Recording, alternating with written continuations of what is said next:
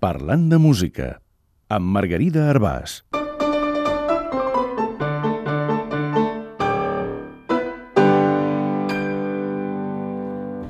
Relat amb tocar. Avui tocaven matines i ahir a la nit el nen dels veïns va decidir tocar l'orgue. Vinga a plorar.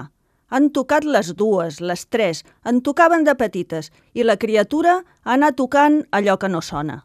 A les 3 i 5 he tocat a la porta dels veïns i ves, m'han tocat la corda sensible. Tenia febre, pobra criatura. Al final s'ha dormit, però jo ja no tocava ni quarts ni hores i no m'adormia. El silenci em ressonava al cap com un piano tocat a quatre mans. Havia tocat fons. Com que toco moltes tecles i avui a la feina no podia tocar el bombo en una reunió a primera hora, a un quart de quatre m'he posat un disc en què tocaven una cançó de bressol amb arpa.